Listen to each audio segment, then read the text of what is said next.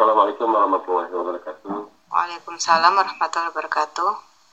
Eh, Bunda, teman-teman di Korea, Korea Selatan ya. Alhamdulillah eh, atas waktunya telah mengundang saya untuk uh, memaparkan tentang home education. Home education lengkapnya itu home based education. Ya, jadi uh, orang biasa menyebut home education. Biasanya pertanyaan yang pertama awal sekali ditanyakan bedanya apa home education dengan homeschooling begitu. Sebenarnya pada prinsipnya uh, kalau memang homeschooling itu uh, apa ya fokus pada bukan pada akademik sebenarnya hampir sejalan dengan home education. Gitu. Karena home education ini basisnya bukan pengajaran akademis gitu ya, tapi kepada bagaimana anak-anak kita tumbuh sesuai dengan fitrahnya, sesuai dengan tahapan usianya, dan lalu mengantarkan mereka kepada peran peradaban terbaiknya gitu. Tidak harus dalam dalam artian eh, misalnya ijazah gitu ya, pekerjaan, tapi lebih kepada apa pun nanti sesuai dengan bakat mereka dan sesuai dengan uh, apa fitrah mereka begitu. Ya bunda kalau homeschooling itu uh, penggagasnya adalah John Holt ya tahun 1975 kalau tidak salah begitu ya di Amerika. Uh, beliau menggagas homeschooling karena banyak riset yang membuktikan bahwa sistem persekolahan modern atau modern school itu banyak tidak sesuai dengan perkembangan manusia begitu ya terus lagi ditambah oleh gerakan uh, discovering so, uh, atau society ya Ivan Illich juga yang menyatakan bahwa cepat atau lambat sekolah itu akan akan musnah begitu ya atau akan punah. Tapi ke home education itu ya itu dimulai sejak zaman Nabi Adam alaihissalam gitu jadi home education dalam pandangan saya pandangan kami begitu ya yang sama-sama merumuskan konsepnya itu adalah kewajiban bukan pilihan. Jadi setiap orang tua hukumnya wajib untuk menjalankan hukum di rumahnya.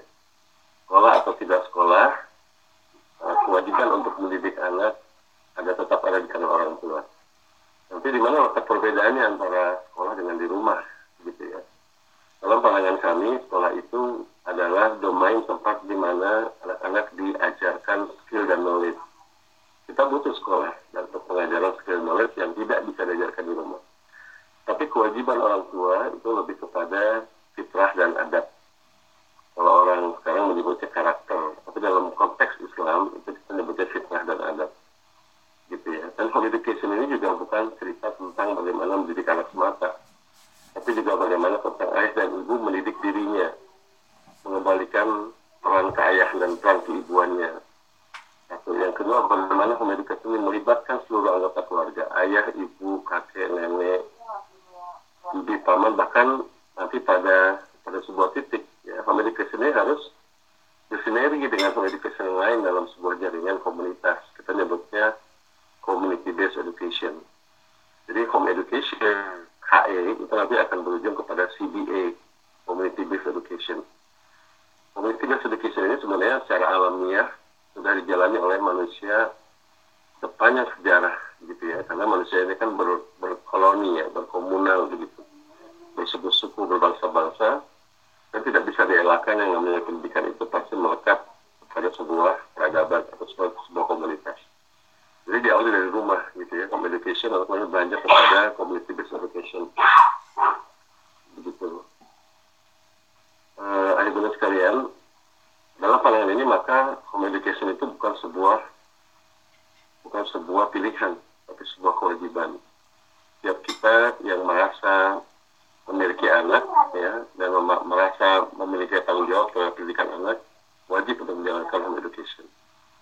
Lalu pertanyaan berikutnya kembali ke yang tadi apa kalau kita diajarkan di rumah ya seperti tadi saya paparkan yang dididik di rumah adalah fitrah dan adat dalam konteks Islam, ya karakter itu ada dua. Pertama karakter yang dilahirkan, yang kedua adalah karakter yang ditanamkan. Karakter yang dilahirkan kita menyebutnya dengan fitrah. Allah mengatakan fitrah adalah potensi atau ya, konstitusi atau karakter gitu yang dipersiapkan oleh Allah untuk mampu memikul syariah atau memikul kitabullah begitu. Oleh karena itu kita menyebutnya karakter fitrah adalah karakter yang dilahirkan. Gitu. Sementara adab, gitu ya atau karakter atau akhlak orang banyak mengenal begitu walaupun nanti ada akan ada perbedaan antara akhlak dengan adab ada nilai-nilai kitabullah begitu yang sifatnya harus ditanamkan begitu di mana antara kedua nilai tadi ya antara fitrah dengan adab ini sebenarnya kompatibel jadi nanti masalah tahapan saja kapan menumbuhkan fitrah dan kapan menanamkan adab. Gitu ya. Kalau kita tidak bisa memahami tiga tiga konstelasi ini ya pertama adalah bagaimana menumbuhkan fitrah yang kedua bagaimana menanamkan adab yang ketiga bagaimana mengajarkan skill dan knowledge gitu ya atau uh, pengetahuan keterampilan maka nanti jadi confused gitu. Ya hari ini ketika orang bicara tentang pendidikan kita benturan dengan tiga hal gitu ya. Pertama adalah uh, pendidikan sebagai sebuah penumbuhan fitrah yang kedua adalah pendidikan sebagai sebuah penanaman adab yang ketiga adalah pendidikan sebagai sebuah uh, pengajaran begitu ya. Nah hari ini kita confuse nih gitu ya. Padahal dalam konsep uh, pendidikan itu harus harus bertahap nih tiga ini. Gitu ya. Tidak mungkin adab itu bisa ditanamkan kalau fitrah tidak tumbuh.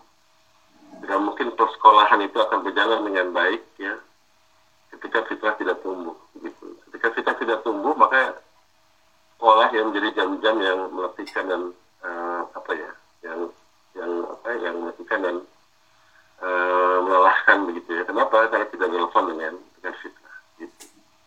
Nah barangkali itu yang bisa disampaikan sebagai pengantar nanti silakan eh bunda boleh bertanya. Cukup itu ya sebenarnya pengantar oh, ya. Oke oke baik. Uh, berarti ini mau dilanjut dengan tanya jawab dulu saja Ustadz ya? Ya, mendingan eh, kita tanya aja nanti saya saya pakai lagi gitu saya tambah lagi nanti Oh iya ya oke dengan oke kelamaan baik. agak Iya ya, baik uh, silahkan bagi mbak-mbak yang di sini untuk mengajukan pertanyaan ya. Uh, nanti saya bacakan ke ustadznya. Nanti baru kita bisa lanjut ke pembahasan yang lain seperti itu. Jadi silakan mbak-mbak untuk mengetik di kolom komentar ya.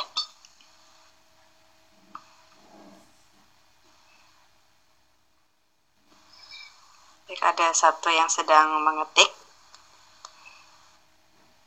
ya, sebagai untuk menunggu ya Iya, baik, bahwa Ustaz. ya secara hukum secara dalil gitu ya kewajiban mendidik fitrah dan adab itu ada di Al-Quran itu memang spesifik di, di apa diarahkan ke orang tua begitu untuk fitrah itu surat Ar-Rum surat 30 ayat 30 sementara untuk eh, adab itu ada di surat 66 ayat 6 kalau kita lihat tafsirnya maka dua ayat ini memang khusus diperuntukkan untuk orang tua. Gitu ya.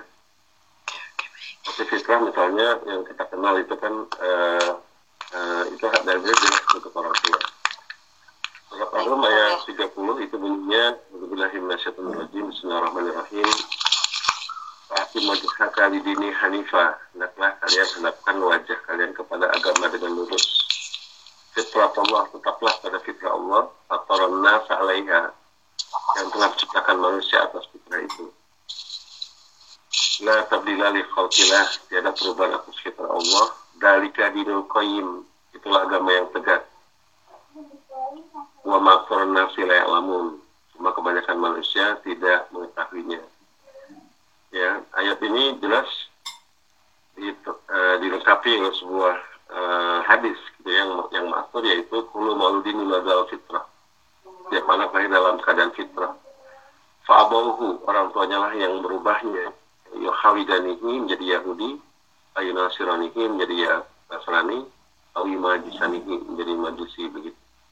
Ini spesifik jelas nih, gitu ya, bahwa orang tuanya lah Fa'abba itu mengatakan bi'ah lingkungan, dan mengatakan orang tua, ya ayah dan ibu, bahkan spesifik abah itu ayah begitu ya. Jadi di sini nampak bahwa fitrah itu memang diamanahkan kepada para orang tua begitu ya untuk dididik begitu ya. Dalam konteks pendidikan maka yang tepat eh, untuk eh, mendidik fitrah itu bahasa pendidikan disebut dengan tarbiyah. Karena begini dalam Islam itu pendidikan bisa berupa tarbiyah, bisa berupa takdib, ya, penanaman adab, bisa berupa taklim, pengajaran, ya, bisa berupa juga tadris, ya, gitu ya. Tadris itu mirip persekolahan begitu, atau kursus atau vokasional begitu. Nah, eh, empat hal ini kadang-kadang kita suka suka campur begitu. Ketika sebenarnya kepada fitrah bagaimana menumbuhkan karena kata tarbiyah itu dari kata robba ya rubu ya menumbuhkannya dan fitrah itu tidak perlu diajarkan fitrah itu ditumbuhkan tapi ketika bicara adab ya atau pendidikan adab itu kita uh, mengambil kata takdib gitu. karena adab itu ditanamkan begitu ya nah untuk adab ini tadi surat 6, 6 ayat 6 A'udzubillahiminasyaitonirrajim wa anfusikum wa ahlikum naro ya hendaklah kalian menjaga diri kalian dari keluarga kalian dari api neraka. Ibnu Katsir ketika mentafsirkan ayat ini itu mengutip ucapan Sayyidina Ali yang mengatakan bahwa yang dimaksud dengan ku anfusikum mu'alikum naro adalah adibuhum mu'alimuhum. Hendaklah kalian mengadapkan keluarga kalian dan mengajarkan. Jadi ini clear ya bahwa fitrah dan adab ini ya fitrah itu padanannya dengan tarbiyah, kalau adab itu padanannya dengan takdib, sama-sama pendidikan artinya tapi lebih spesifik kalau dalam Islam gitu ya. Ketika bicara tarbiyah itu berarti menumbuhkan fitrah mendidik fitrah. Ketika bicara takdib itu berarti menanamkan adab gitu ya atau mendidik adab gitu. Nah, sementara taklim itu adalah pengajaran. Nah kalau pengajaran ini bisa di outsource gitu ya bisa diberikan kepada ahlinya gitu ya bisa diberikan kepada ahlinya kepada komunitas pada lingkungan. Gitu. Saya kurang menambahkan aja. Silakan. tadi ya ini tempat pendidikan ya Ustaz ya gitu kan kita lanjut ke sesi pertanyaan ya Ustaz ya. Jadi ada pertanyaan pertama dari Mbak Nila. Jadi karakter yang dilahirkan itu contohnya apa ya Ustaz tadi kan ada Ustaz menyebutkan karakter yang dilahirkan ya. dan ditanamkan ya? Yang dilahirkan ya karakter yang dilahirkan itu yang tadi disebut fitrah ya. Uh, fitrah itu uh, Ibnu Taimiyah itu menyebut fitrah yang dilahirkan itu dengan fitrah al-Gariza. Sementara fitrah yang diturunkan ya, atau kitabullah itu disebut dengan fitrah al-munazalah gitu ya. Jadi sama-sama fitrah sebenarnya.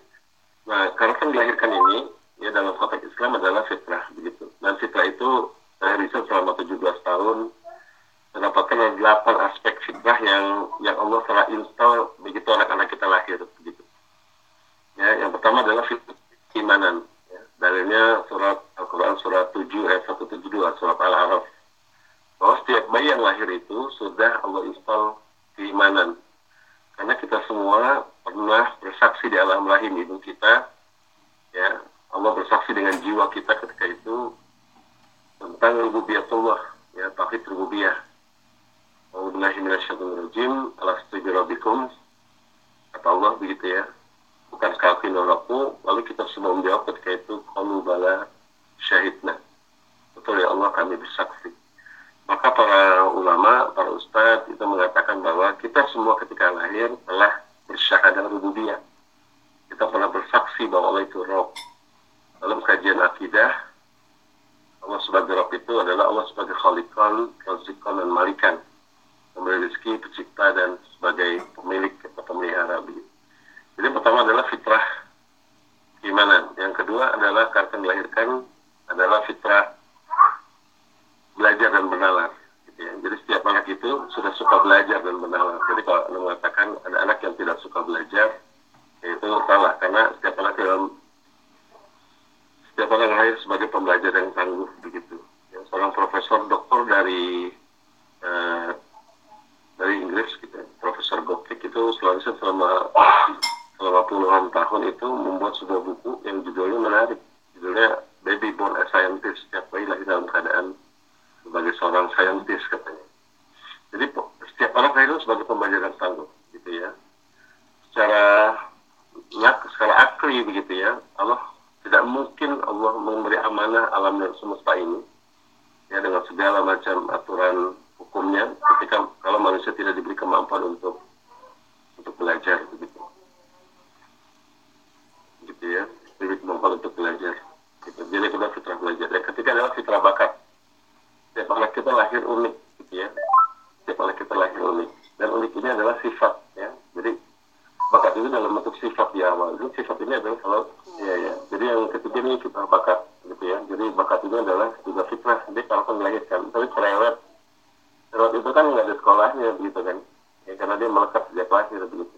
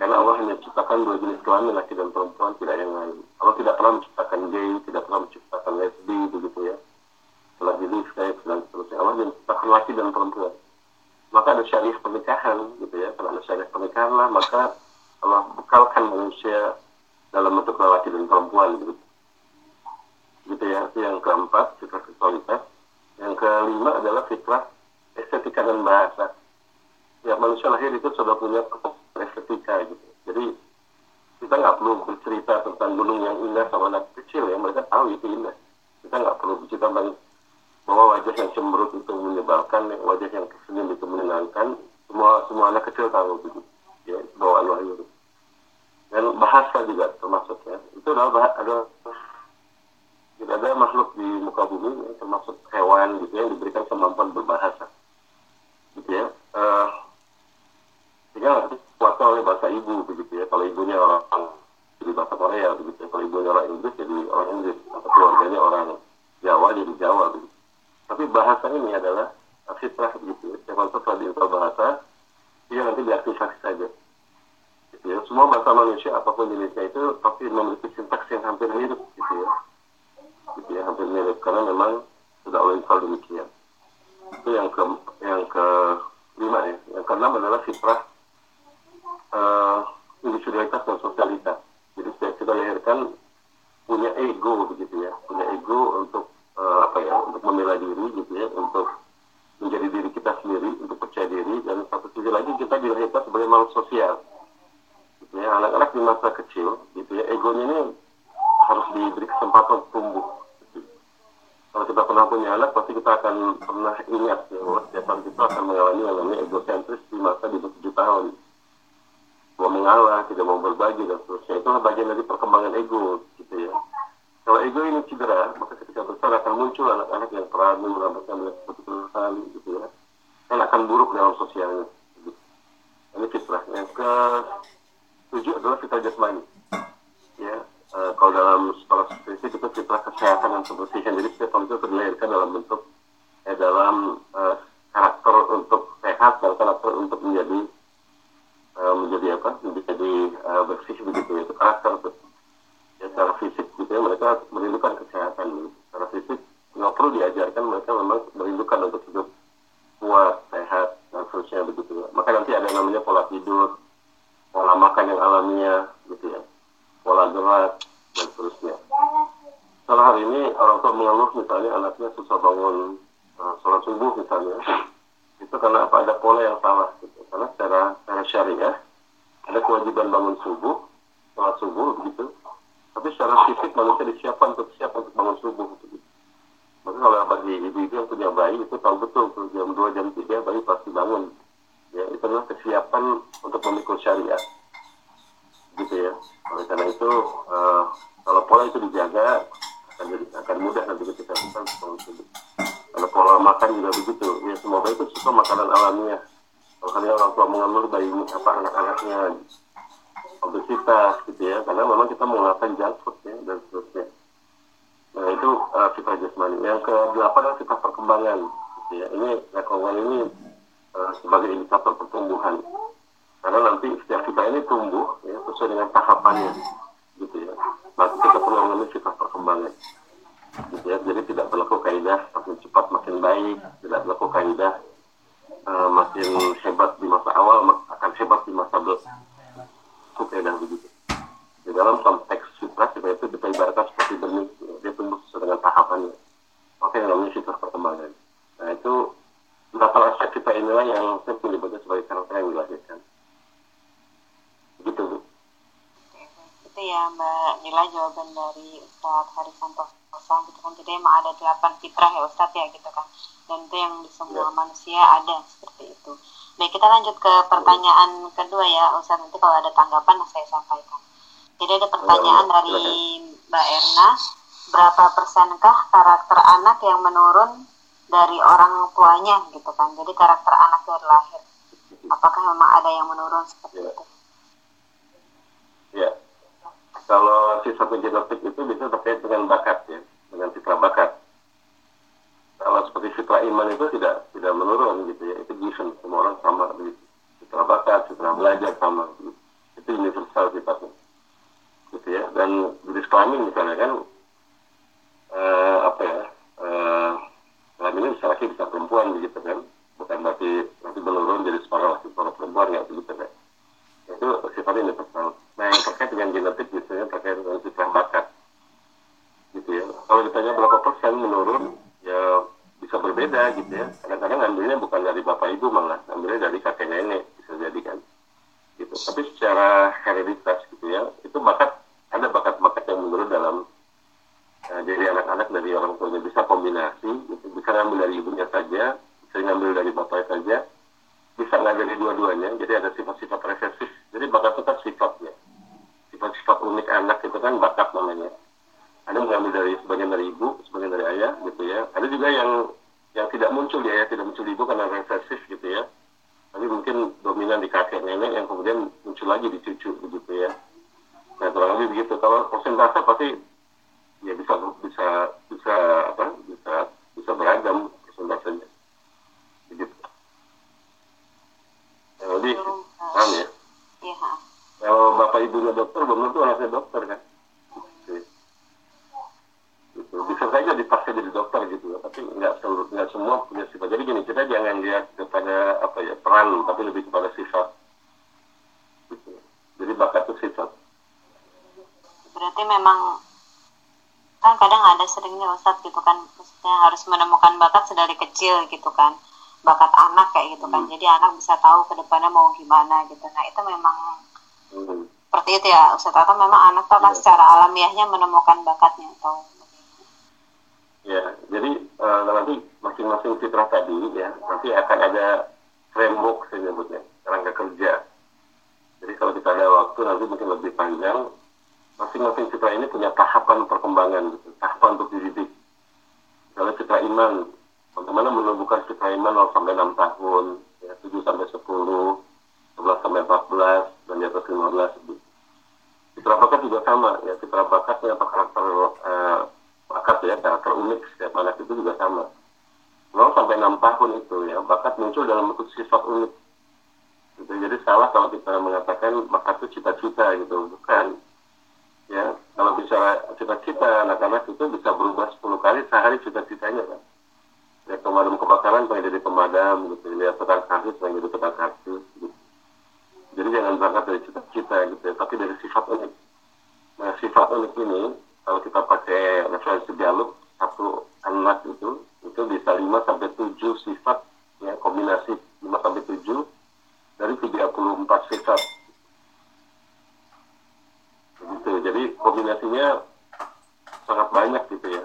Sangat banyak kemungkinan-kemungkinan ini yang bisa di, diolah oleh manusia gitu ya untuk memudahkan manusia melihat jadi sifat itu diambil kata suka ya. jadi kalau anak kita pengen tahu bakatnya apa tujuh tahun amati dulu suka apa dia itu suka ngomong suka mimpin suka ngatur suka memimpin suka mengatur suka komunikasi ya dan seterusnya begitu suka ramah keluyuk gitu dan seterusnya nanti tujuh sampai sepuluh diberi aktivitas yang relevan dengan sifat kalau dia suka mimpin kasih aktivitas yang relevan dengan sifat gitu ya mimpin apa misalnya itu mimpin di ruangan kelas gitu ya di, di gunung misalnya atau mimpin di apa di eh, di apa di tempat eh, apa seperti olahraga misalnya yang beda gitu kalau suka ngatur misalnya ngatur apa gitu yang gitu jadi itu sama sekali dikasih aktivitas yang relevan dengan sifat kita nyebutnya terrepel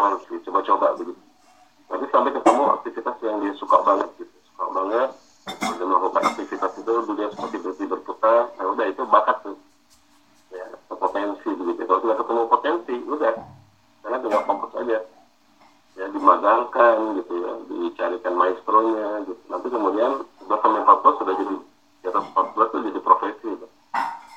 gitu jadi jangan tergesa gitu ya jangan tergesa menjudgment orang anak itu punya bakat apa gitu ya ukuran-ukuran seperti asesmen ya kayak fingerprint gitu ya kalau mapping itu kan sifatnya membantu saja semata gitu. yang paling bagus adalah pengamatan ayah ibunya gitu tentang sifat-sifat anaknya sejak dini gitu. kemudian memberikan aktivitas yang sesuai dengan sifatnya kemudian sampai menemukan mana aktivitas yang dia paling enjoy paling easy paling excellent paling end gitu ya kalau menurut Abah Rama begitu. Nah, baru kemudian kita fokus untuk uh, menemukan uh, peran sejatinya atau profesi yang nanti akan dijalani di masa depan. Kita nggak bisa tergesa menjudge anak profesinya ini dan itu karena bisa jadi profesi anak-anak kita nanti belum ada kali ini profesinya. Ya, karena menurut riset 80% profesi di masa depan belum ada sekolahnya di hari ini dan 80% profesi hari ini akan punah di masa depan begitu begitu benar Baik, Ustaz, terima kasih atas jawabannya. Baik, eh, Mbak yang lain silahkan jika ada pertanyaan bisa langsung diketik ya nanti saya bacakan ke Ustaz.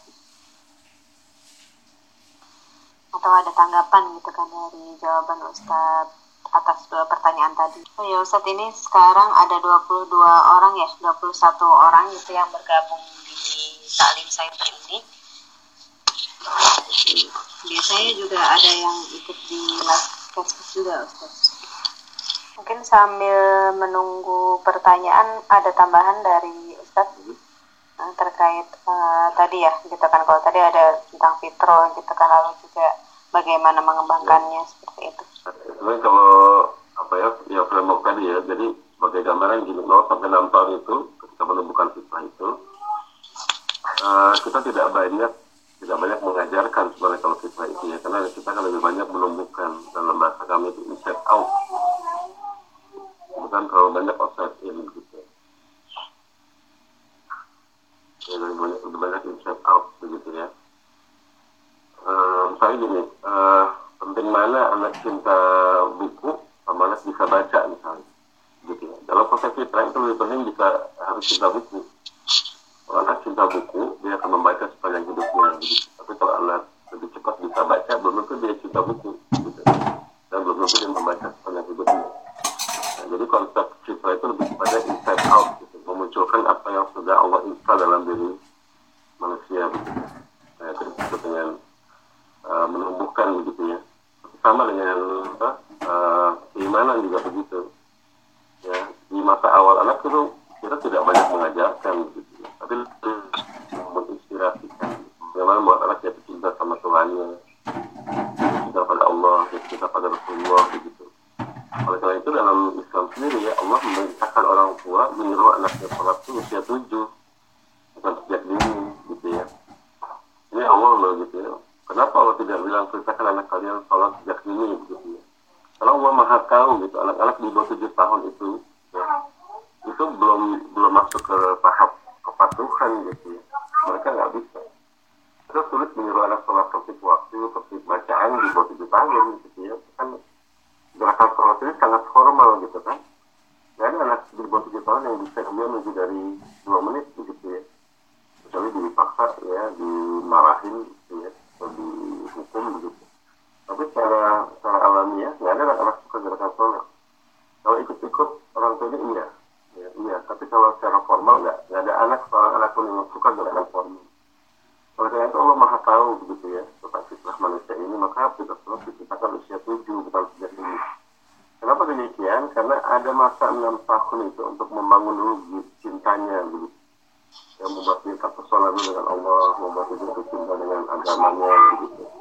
Itu tambahan aja jadi kita tuh lebih kepada shout out begitu ya oleh karena itu milik fitrah ini sebenarnya berangkat dari sebuah keyakinan ya bahwa anak-anak kita itu sebenarnya sudah Allah install berbagai macam kehebatan begitu. Jadi jangan pernah jadi orang tua yang lebay, obsesif, gitu, dan wali pesimis. Ya, jangan pernah menjadi orang tua yang uh, ingin apa ya menjadikan anak seperti orang lain gitu. Karena anak kita itu sudah kalau ciptakan begitu ya dengan versinya sendiri anak-anak kita adalah one version sejak zaman Nabi Adam. Sampai akhir zaman hanya one version. Kalau nggak ciptakan versi lain maka jangan pernah jadikan kita versi kedua dari orang jadikan dia versi terbaik bagi dirinya jangan pernah membanding-bandingkan dia dengan orang lain ya. jadikan dia versi terbaik bagi dirinya. Ya, begitu ya. Uh, karena begitu loh ciptakan anak kita gitu ya. Uh, sesuai dengan ciptanya masing-masing gitu dengan zamannya juga dengan takdirnya dan seterusnya gitu. gitu ya. jadi yang ketiga yang dibutuhkan orang tua sebenarnya adalah syukuran yang dalam gitu ya, ya bukan bukan banyak hanya lebay begitu ya syukuri aja kalau berikan ya, bukan Allah uh, kasih kasih uh, gambaran di Al-Quran ya kenapa Luqmanul Hakim itu ya Luqman Hakim itu ya Allah abadikan namanya yang surat Luqman di Al-Quran gitu. Kalau bukan Nabi bukan Rasul ya. Bahkan bukan Aulia barangkali ya. Bahkan budak sahaya namanya diabadikan di Al-Quran ditambahkan kata Al-Hakim gitu ya. dan metode mendidiknya kemudian diabadikan dialog-dialog dengan anaknya itu sebagai sebuah pendidikan yang keren begitu ya. Dan diabadikan di Al-Quran begitu Luqman Al-Hakim ini kalau kita lihat di surat Luqman ayat 12 itu Allah gambarkan ya, bahwa betapa Luqman Hakim itu seorang yang sangat bersyukur walaqad ataina Luqman al-hikmata an dan sungguh-sungguh kami berikan Luqman itu hikmah yang banyak. Kenapa? karena dia syukurillah karena dia banyak bersyukur. Itu sudah menambahkan aja ya beberapa keyakinan. Jadi fitnah ini bukan nanti bukan banyak dijalankan bukan oh ini belajar apa lagi nih? Itu apa yang sudah diajarkan didik fitnah enggak? Didikan kita itu bukan mengajarkan sesuatu bukan tapi bagaimana kita menumbuhkan apa yang sudah Allah dari dalam. Demikian lu benar Baik Ustaz, kita kan terima kasih atas tambahan penjelasannya. Ini ada pertanyaan lagi Ustaz dari Mbak Puji gitu kan. Jadi kalau mendesain anak dengan hafalan Quran sejak dini atau dari usia balita, itu termasuk mengajari atau menumbuhkan Ustaz? Ya. Uh, membuat anak jadi hafiz itu, ingin jadi jadi hafiz itu cita-cita yang sangat mulia begitu ya. Tapi ada ada tahapannya juga begitu kan ya. Dan di bawah tujuh tahun itu ya kalau kita pengen anak jadi hafiz nggak perlu belajar teks gitu, nggak perlu banyak diajarkan juga. Setiap hari diputarkan murotal saja hafal dia gitu. Saya pernah ketemu sebuah paut di Malang. Anak-anak bermain di lapangan diputarkan murotal itu satu semester dua tiga juta hafal kok. Gitu ya. Uh, saya pernah baca juga artikel seorang ulama di Kuwait anak-anaknya hafiz Quran dari usia tujuh delapan tahun itu karena dari kecil di dibiasakan untuk mendengarkan murotal begitu. Karena memang menghafal terbaik itu talaknya begitu. Jadi sebenarnya jangan jangan khawatir juga ya kalau anak yang jadi hafiz cukup juga gitu ya. Tapi nanti mesti difahami juga ya setiap anak punya kecepatan berbeda. Jangan dibanding-bandingkan, jangan ditargetkan begitu. Biar saja mengalir alamnya. Ya sampai kemudian uh, kita pegang gitu ya, kita nggak relax ya, karena pengen anak jadi hafiz, kemudian dipasang target begini begitu, ya atau pengen seperti Musa misalnya kan tiap anak berbeda juga ya ada anak yang kecepatannya bagus ada kecepatannya lambat ya ikuti saja gitu ya follow the fitrah ikuti aja fitrah itu kalau memang dia kecepatannya bagus ya ikuti kecepatannya kalau dia memang uh, anak-anak yang mungkin nggak terlalu cepat ya sudah yang penting dia enjoy dengan Al-Quran begitu ya gitu dan nggak uh, harus teks gitu ya saya sering melihat kalau ngajarin Al-Quran itu harus lewat teks jadi belajar dulu teks nggak apa nggak nggak harus begitu ya anak-anak bahkan kalau di psikologi perkembangan ya kalau kita baca serius kalau perkembangan anak itu tidak boleh mengajarkan simbol di bawah tujuh tahun begitu ya karena apa anak-anak masih otak kanan itu otak kanannya masih tumbuh ya dia masih masih pusat imajinasi dan abstraksi gitu kalau Bu Elisman menyebutnya pusat perasaan bukan pusat kepintaran jadi kognitifnya kognisinya itu belum tumbuh sempurna di bawah tujuh tahun jadi jangan karena kita pengen anak-anak kita hebat, kompetitif, ya maka di bawah tujuh tahun kita dijalin macam-macam gitu. gitu ya, relax saja begitu. Kalau mau putri aja mau rotas setiap hari, cara konsisten hafal ke anak-anak. Ya kalau kita perhatikan anak-anak kampung itu ya, yang di gang kumuh itu hafal dangdut kok mereka. Ya pernah nggak pernah belajar dangdut. Kenapa tiap hari mendengar dangdut, hafal mereka dangdut. Ya. Maka kita relax saja gitu. Tapi yang paling penting di antara itu semua Pak, bagaimana membuat anak itu jatuh cinta Allah itu itu yang berat itu. Jatuh cinta pada Rasulullah, jatuh cinta pada Islam yang hari ini kita nggak temukan. Hari ini kita banyak menemukan orang-orang berkepribadian ganda begitu ya, rajin haji, rajin korupsi, ya, rajin sedekah, rajin menjara, gitu kan. Kenapa? Karena imannya nggak tumbuh dengan baik gitu ya. Bahkan eh, saya punya beberapa teman Ustaz dari pondok itu mengeluh mereka kalau anak-anak anak-anak santri ini pulang ke rumah katanya itu libur syariah maksudnya apa libur syariah ya, kalau di pesantren di pondok mereka tuh rajin merojaah rajin mengapa? Kalau pas di rumah tuh libur syariah. Kenapa itu tadi ya? Karena kita lupa tuh membangun jirahnya. Kita lupa membangun cintanya kepada Allah. Kita sibuk dengan kontennya. Gitu ya kita sibuk dengan apa ya dengan dengan agama sebagai ilmu yang harus masuk ke otaknya begitu ya. Kalau yang lebih penting itu jiwanya dulu gitu ya. ya kalau jiwanya sudah tumbuh kecintaan yang besar pada Al-Quran itu, ulama mana pun dikejar itu sepanjang hidupnya. Gitu. Kalau sudah jatuh cinta kepada Islam itu, ilmu agama apa pun dikejar sama sama kita. Begitu ya. Jadi di tujuh tahun kita relax saja begitu. Yang penting anak jatuh cinta dulu. Kalau ingin hafal Quran, puterin aja dulu. Gitu ya. Nggak perlu harus baca teks. Gitu ya. Nggak perlu harus lewat belajar ikro dulu. Ya. Nikmati saja masa-masa anak-anak itu. Nah, kurang lebih itu. Bu. Nah, seperti itu ya Mbak Puji jawaban dari Ustadz gitu kan. Jadi memang intinya adalah kecintaan dan kalau saya tangkap tadi memang anak-anak itu Iya. secara audio lebih lebih lebih sering nangkep ya. Iya.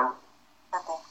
Iya, bahkan sebenarnya metode terbaik belajar menghafal itu, yang menghafal Quran adalah talaki, Bu. Usia berapapun sebenarnya. Metode terbaik itu talaki gitu, bukan baca teks sebenarnya. Ya kan, karena dari Rasul ke sahabat itu talaki. Dari sahabat ke sahabat ke tabiin talaki. Sebenarnya, gitu ya, bukan teks. Gitu ya. Makanya kalau di di apa, di Al Azhar di luar negeri gitu ya kalau kita ya, kita belajar Al Quran dengan orang-orang yang sudah berlisensi gitu ya yang punya tanat begitu itu harus melihat bibirnya. Harus mendengarkan bacaannya melihat bibir gerakan bibirnya begitu ya. Karena itu memang harus modelnya talaki dibacakan begitu biar reciting bukan baca teks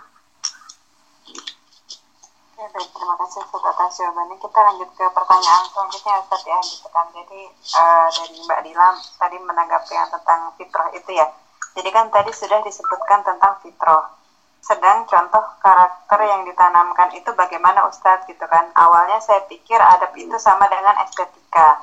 Tapi estetika sudah tercantum dalam kategori fitrah. adab itu biasanya orang nyebutnya bukan estetika adab itu etika gitu ya di sisi lain juga disebut estetika juga karena fakultas adab itu kan fakultas sastra itu ya fakultas bahasa Arab disebut fakultas adab ya karena bicara tentang estetika bicara tentang sebenarnya itu lebih kepada perilaku ya perilaku yang bermartabat yang beradab bicara kebudayaan. Kebudayaan adalah perilaku yang bermartabat dan beradab. Ya kenapa orang pada kepada sebuah kebudayaan yang bermartabat begitu? Karena dibimbing oleh sebuah nilai-nilai yang yang luhur gitu ya. Nah dalam Islam nilai-nilai itu adalah kitabullah gitu. maka kalau fitrah ini potensi Allah install ya, dalam diri manusia untuk, sanggup memikul kitabullah maka ada pada nilai kitabullah yang nanti untuk apa, menyempurnakan eh, fitrah begitu masuk dalam fitrah. Dan adab ini bukan hanya etika gitu ya. Bukan hanya etika jadi fitrah dan adab ini sebenarnya kompatibel ya cuma tinggal masalah yang satu di yang satu di tanahkan gitu. Sebenarnya kan kan ketemu gitu. Tapi eh, keimanan keimanan itu dilahirkan juga mereka harus dilahirkan. Siapa untuk beriman siapa untuk tadi berpaling berbudiah tapi keimanan dalam dalam level tertentu misalnya ketaatan kepada Allah itu adab gitu ya. Perintah sholat itu adab. Ya tapi tapi rububiyah itu fitrah. Ya makanya kalau di Al-Quran itu orang-orang kafir Quraisy gitu ya. Yang kafir Quraisy itu kalau ditanyakan fa'il al-tafal al-khalq pertama yang itu siapa yang menciptakan langit dan bumi gitu ya maka orang-orang kafir itu bilang fayaqulun Allah Allah yang menciptakan ini semua. Jadi secara tauhid rububiyah gitu ya secara fitrah manusia itu mengakui bahwa Allah sebagai khalikon sebagai khalikon sebagai razikon tapi gimana dalam sisi mulkiyatullah ya ketaatan untuk tunduk pada aturan Allah nah itu itu perlu guidance nah guidance itu dengan kitabullah gitu. kita akan susah masuk ke wilayah tauhid mulkiyah kalau tauhid rububiyahnya tidak tidak tidak kuat gitu ya atau tidak tuntas. Nah kurang lebih itu. Jadi sebenarnya kompatibel nih fitrah antara kita dengan adab kompatibel tinggal yang satu sebagai fondasi yang satu lagi sebagai uh, nilai-nilai uh, yang nanti kemudian menyempurnakan. Rasulullah mengatakan begini ya pendidik sejati adalah Allah Subhanahu Wa Taala katanya begitu kenapa karena Allah lah al khawid Allah lah sang pencipta yang telah menciptakan fitrah itu dan bakat-bakat manusia dan yang telah menyediakan jalan bagi fitrah itu untuk tumbuh, berkembang, dan bekerja sesuai dengan tahapannya. Dan Allah jualah yang telah menetapkan syariah atau kitabullah yang memandu, yang memandu itu untuk tumbuh indah, sempurna dan berbahagia. Nah, jadi adab itu adalah memandu sifat, gitu ya, memandu untuk tumbuh indah dan sempurna. Jadi kita itu dipandu oleh adab. Gitu ya. Maka katanya, wahai pendidik, ya, wahai orang tua, wahai para murabi, ikuti saja fitrah itu. Ya solo fitrah, ikuti fitrah itu tumbuhnya. Kemudian pandulah ya dengan syariah atau dengan. Ini para ulama dalam bukunya Madkhal Tarbiyah ya, di Diaul Islam begitu. Di buku saya ada ditulis kutip itu karena kata kamu luar biasa begitu. Itu yang kenapa Ibnu Taimiyah mengatakan fitrah yang dilahirkan sebagai fitrah al-gariza sementara fitrah yang sementara Al-Quran dan Kitabullah itu disebut dengan fitrah al-munazalah saya melihat ini ada kompatibilitas antara fitrah yang dilahirkan dengan fitrah yang diturunkan gitu ya. Rasulullah SAW adalah manusia yang sepanjang hidupnya belum pernah belajar agama kepada siapa pun. Belum pernah bertemu ulama mana pun. Gitu ya. Dan ketika usia 40 mendapatkan wahyu langsung accepted. Kok bisa gitu ya? Orang yang tidak pernah belajar apa pun belajar pada siapa pun begitu turun wahyu langsung accepted. Gitu.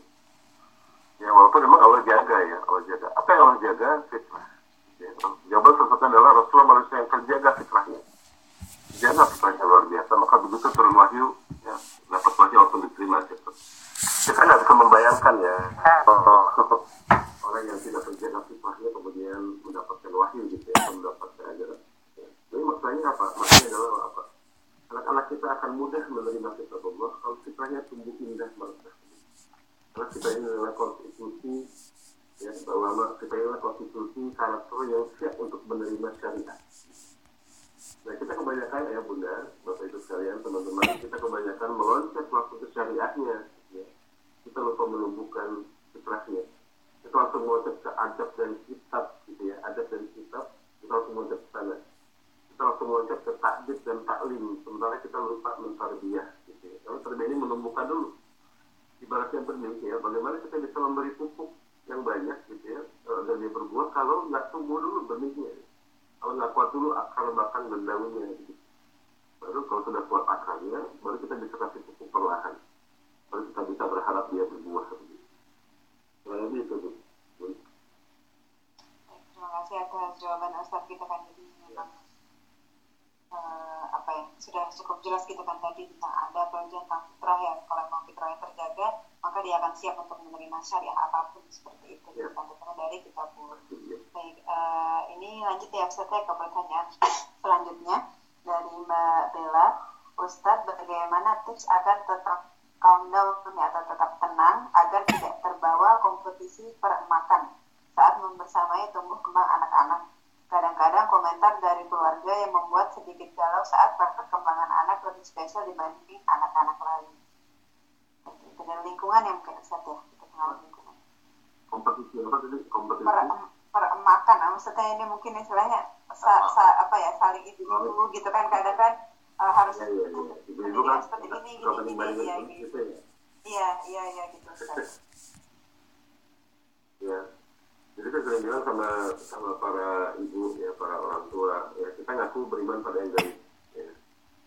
Tapi kenapa ketika mendidik anak kita nggak beriman pada yang gaib, kita beriman pada yang nampak. Karena yang nampak itu tidak memberi dampak sebenarnya. Gitu kan?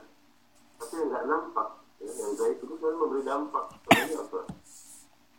untuk anak di bawah tujuh tahun saya mau tanya gitu penting mana ya dia bisa sholat atau dia cinta sama Allah penting mana kita kebanyakan berpikir yang penting bisa sholat bisa doa bisa belakangan gitu ya kenapa cinta kan nggak kelihatan gitu ya karena yang cinta kepada Allah itu pada hidup ya tapi anak-anak yang bisa sholat sejak ini belum tentu sholat pada ya sama kayak apa ya sama kayak tadi. Bagaimana cinta buku atau bisa kalistung atau bisa baca gitu ya di bawah tujuh tahun. Ya kadang kita lebih penting kepada yang nampak bisa baca gitu ya. Tapi belum tentu anak yang bisa baca belum tentu membaca sepanjang hidupnya. Ya kan? tapi anak yang cinta buku sudah pasti dia sudah pasti membaca dan sudah pasti membaca. Kadang-kadang kita begitu kita sering kali beriman pada yang nampak ya tapi tidak memberi dampak pada hal. Tapi kita kadang-kadang tidak beriman kita mengaku beriman pada yang baik tapi dalam kenyataannya kita nggak beriman jadi barunya pohon bu ya. Mending mana? Akarnya menghujam ke tanah walaupun kelihatan batang daunnya biasa saja. Itu biasanya hebat ya tapi akarnya keropos mendingan ya, gitu ya. Kita berbicara tentang sesuatu yang nggak nampak tapi memberi dampak. Itulah keimanan sebenarnya. Itulah keyakinan kita dalam mendidik anak banyak orang tua yang pengen anaknya segera bisa tiga bahasa gitu ya. Termasuk mereka bilingual gitu ya. Karena bahasa ibunya belum selesai. Ya hari ini coba nanti buka buka YouTube ya. Tapi kata biling bahasa. Itu banyak anak-anak China ya terutama ya yang kemudian anak-anak jadi mengalami bingung bahasa kenapa karena pengen guru-guru bisa beragam bahasa di, di usia dini kalau bahasa ibu ya mother tongue belum selesai begitu itu kan apa kita panik lagi kita tergesa gitu kita tergesa langsung kepada meloncat kepada pengen buru-buru nampak ya. pengen anak segera bersatu kali Kemudian sekarang 49 saya banyak menyaksikan teman-teman sangat saya dulu ya. mereka banyak banyak kemudian bertanya-tanya kenapa anak yang dulu di, di desa sholat kenapa ini nggak sholat lagi kenapa anak-anak yang dulu menghafal Quran sejak kecil ketika besar nggak menghafal Quran lagi ya kenapa anak-anak yang sejak kecil lagi ke masjid ketika besar nggak ke masjid lagi kenapa begitu ya itu karena itu apa kita kadang-kadang sering terjebak kepada sesuatu yang terlihat ya, kita nggak nggak menyelami apa yang ada di belakang itu semua saya ke Indonesia gitu ya dan saya, saya banyak menemukan bahwa di mana-mana sama saja kasusnya kalau TPA itu penuh masjid bapak-bapak penuh masjid tapi pemuda kosong gitu.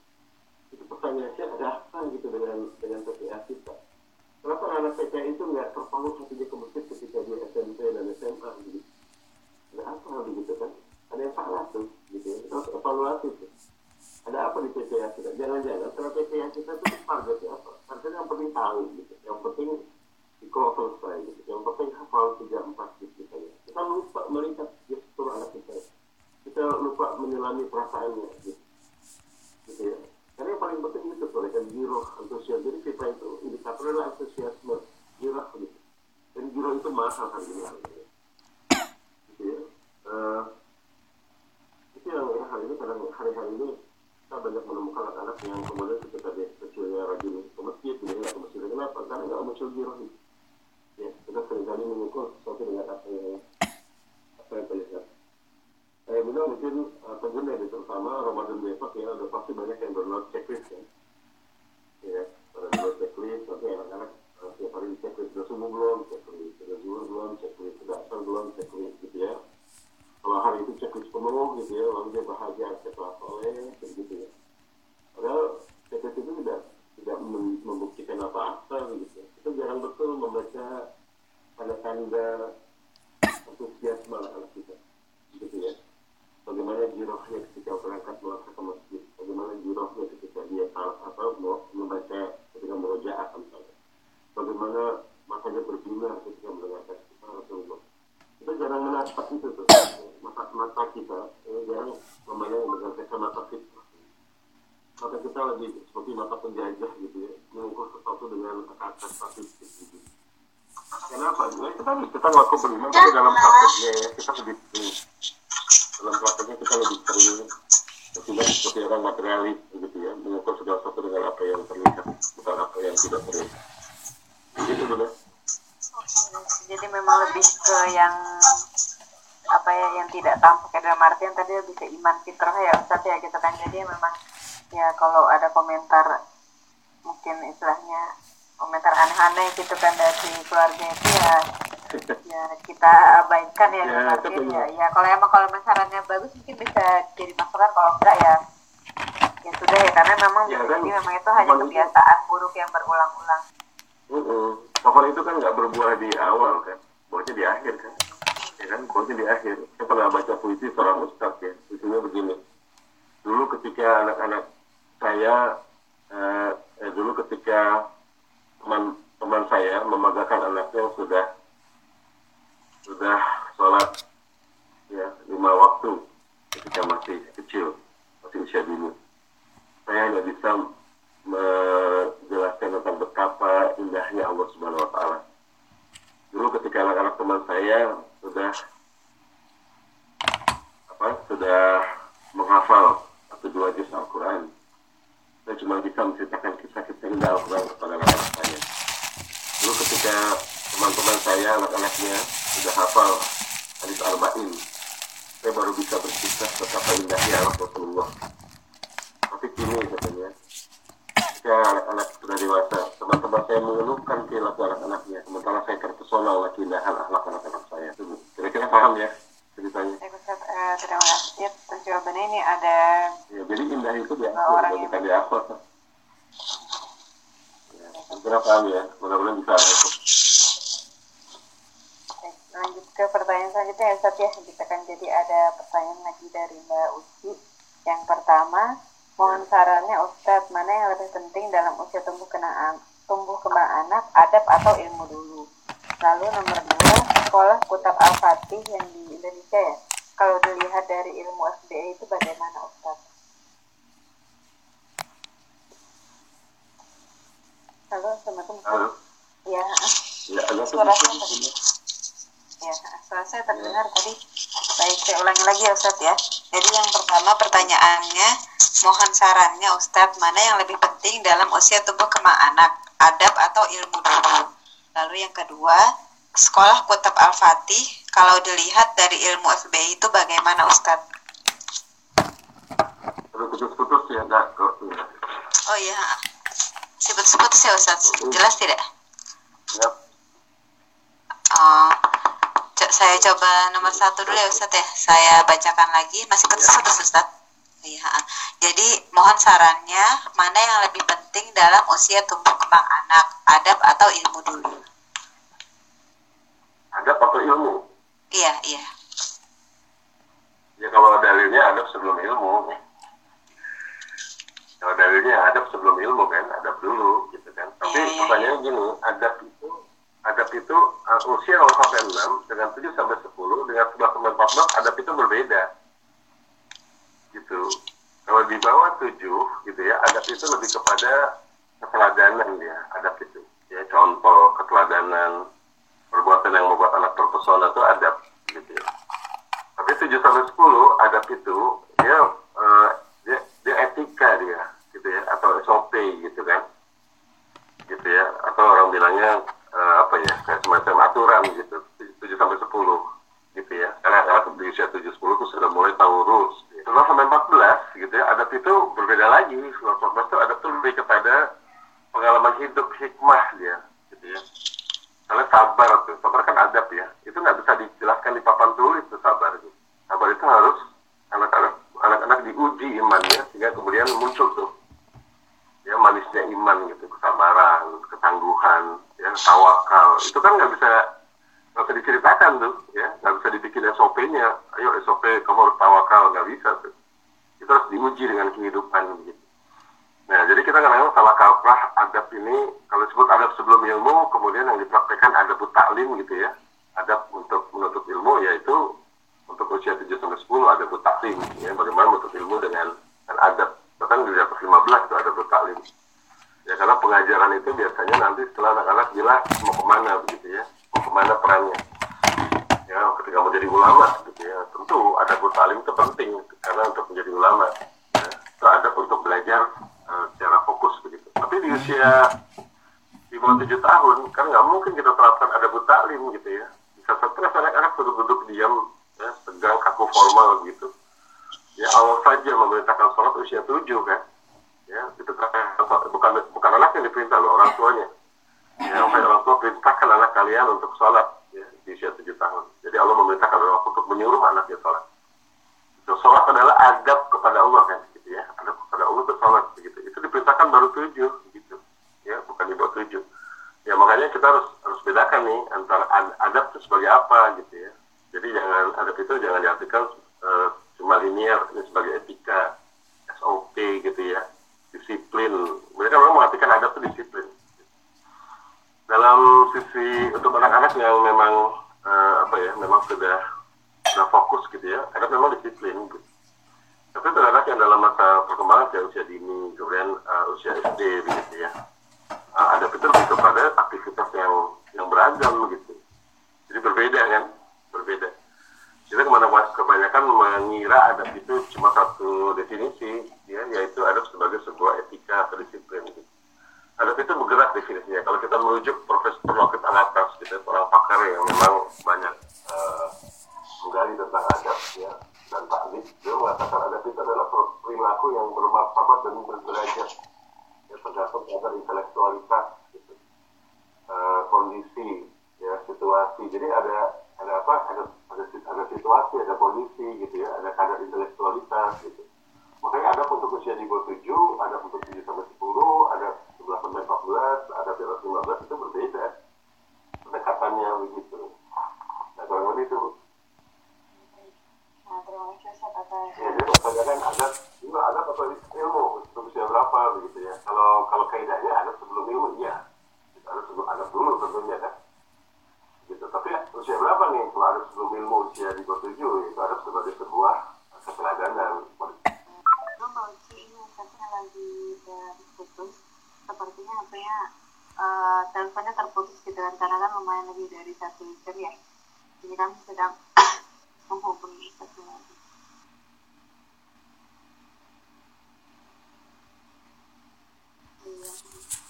Iya. Uh, Ini ada ada jawaban dari ustadznya gitu kan. Uh, sepertinya disudahi dulu dari ustadznya. Uh, ustadznya mohon maaf karena tidak bisa menjawab semua pertanyaan ya. Nanti bisa disambung lain waktu lagi katanya seperti itu. Jadi mohon maaf bagi pertanyaan yang masih belum terjawab. Uh, insya Allah untuk materinya tadi sudah sangat cukup ya gitu kan. Karena memang bahas mulai dari ya kita lagi tentang fitrah gitu jadi bagaimana ya pendidikan itu dimulai dari fitrah gitu kan kita sebagai orang tuanya lah yang harus kita memahami fitrah tersebut gitu kan. Sehingga anak itu ya eh, cinta kepada Islam gitu kan. Yang siap untuk menerima syariat itu sampai dewasa nanti gitu bukan hanya saat kecil gitu seperti itu mbak. Mbak ya gitu kan uh, kira atas responnya atas pertanyaannya sehingga tadi kita diskusinya lumayan cukup dinamis seperti itu. Uh, mungkin uh, nanti bisa disambung lain waktu gitu kan oleh Ustaz Hari Santosa gitu atau mungkin untuk biar lebih tahu gitu bisa baca bukunya ya seperti itu. Jadi biar kita bisa tahu fitrah disabilitas itu yang seperti apa sih seperti dan bisa mengembangkannya di uh, keluarga kita masing-masing. Baik, uh, kita akhiri dulu dengan mengucap lafaz hamdalah. lain. Saya sebagai MC mohon maaf apabila ada kesalahan dalam penyampaian acara. Uh, kita akhiri dengan mengucap doa kesalahan Allahumma bihamdika asyhadu an